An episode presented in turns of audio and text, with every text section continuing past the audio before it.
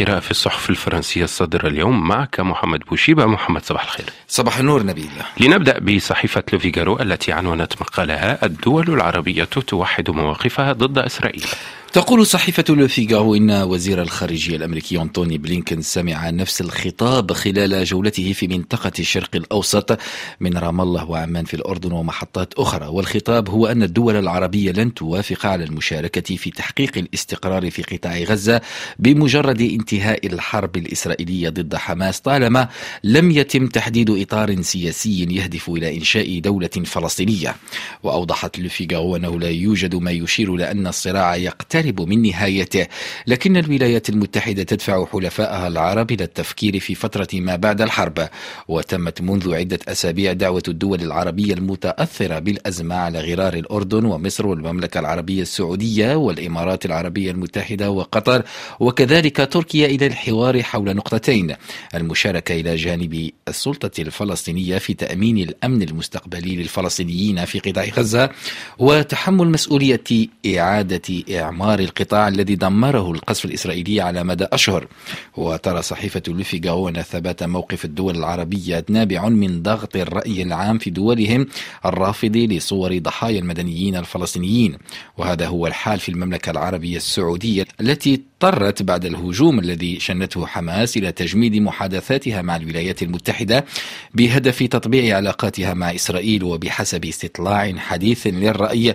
دعا 96% من السعوديين الدول العربية لقطع جميع علاقاتها مع إسرائيل.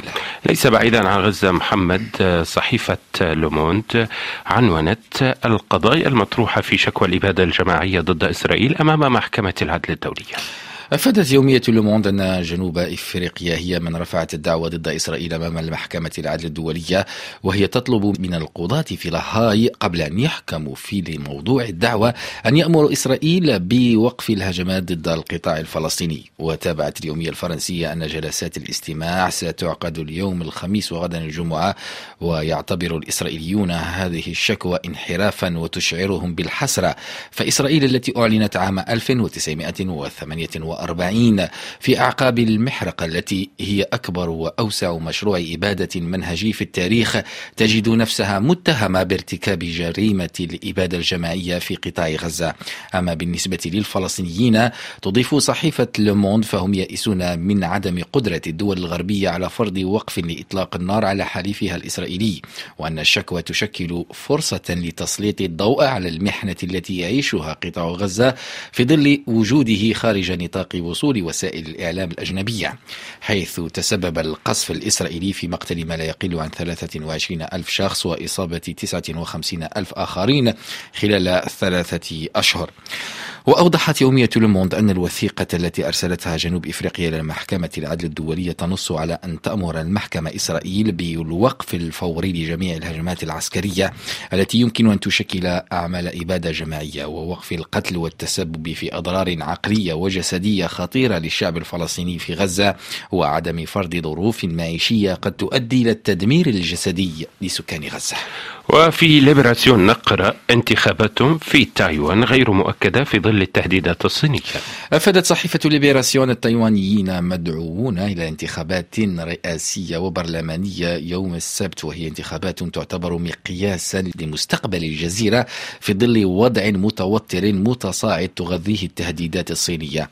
ونشرت صحيفة ليبراسيون روبورتاجا عن الظروف التي ستجرى فيها الانتخابات الرئاسية والبرلمانية في البلاد وهي ظروف تخيم عليها توقعات لاحتمال الغزو الصيني حيث يفكر العديد من التايوانيين بالفعل في استراتيجيات تجنب المواجهة وفي ضوء الانتخابات. يلعب حزب الكومينتانغ المعارض على وتر الخوف في محاولة من أجل جمع الأصوات. وتحدثت يومية ليبراسيون مع أربعة طلاب تايوانيين الذين كشفوا للصحيفة أنهم باتوا يتأقلمون مع الوضع المتوتر فبعدما كانت لديهم في الماضي العديد من المشاريع الشخصية. أصبحوا الآن يتعاملون وفق قرارات الحكومة التايوانية بإعلان إعلانها عن عودة الخدمة العسكرية لمدة 12 شهرا اعتبارا من عام 2025 وتابعت صحيفة ليبراسيون في شهر ديسمبر كانون الأول 2022 أعلنت السلطات التايوانية عن مضاعفة الخدمة العسكرية ثلاث مرات لجميع الشباب التايوانيين. وبدأ هذا الإجراء الذي دعمته الولايات المتحدة المورد الرئيسي للأسلحة إلى تايبي حتميا بعد الغزو الروسي لأوكرانيا والنجاحات التي حققها الأوكرانيون في الدفاع عن الأراضي الأوكرانية. ونقلت الصحيفة عن ماتيو دو شاتيل مدير برنامج آسيا في معهد مونتان أن العديد من الاستراتيجيين في تايوان يعتقدون أن خلق خطر اندلاع حرب عصابات طويلة الأمد في المناطق الحضرية هو أفضل ضمان ضد أي هجوم صيني وبعد نفسي لتصميم تايوان على المقاومة ويؤكد استطلاع أجرته وزارة الخارجية أن 72% من التايوانيين سيكونون على استعداد للدفاع عن أنفسهم في حالة العدوان الصيني. شكرا لك محمد بوشيبة.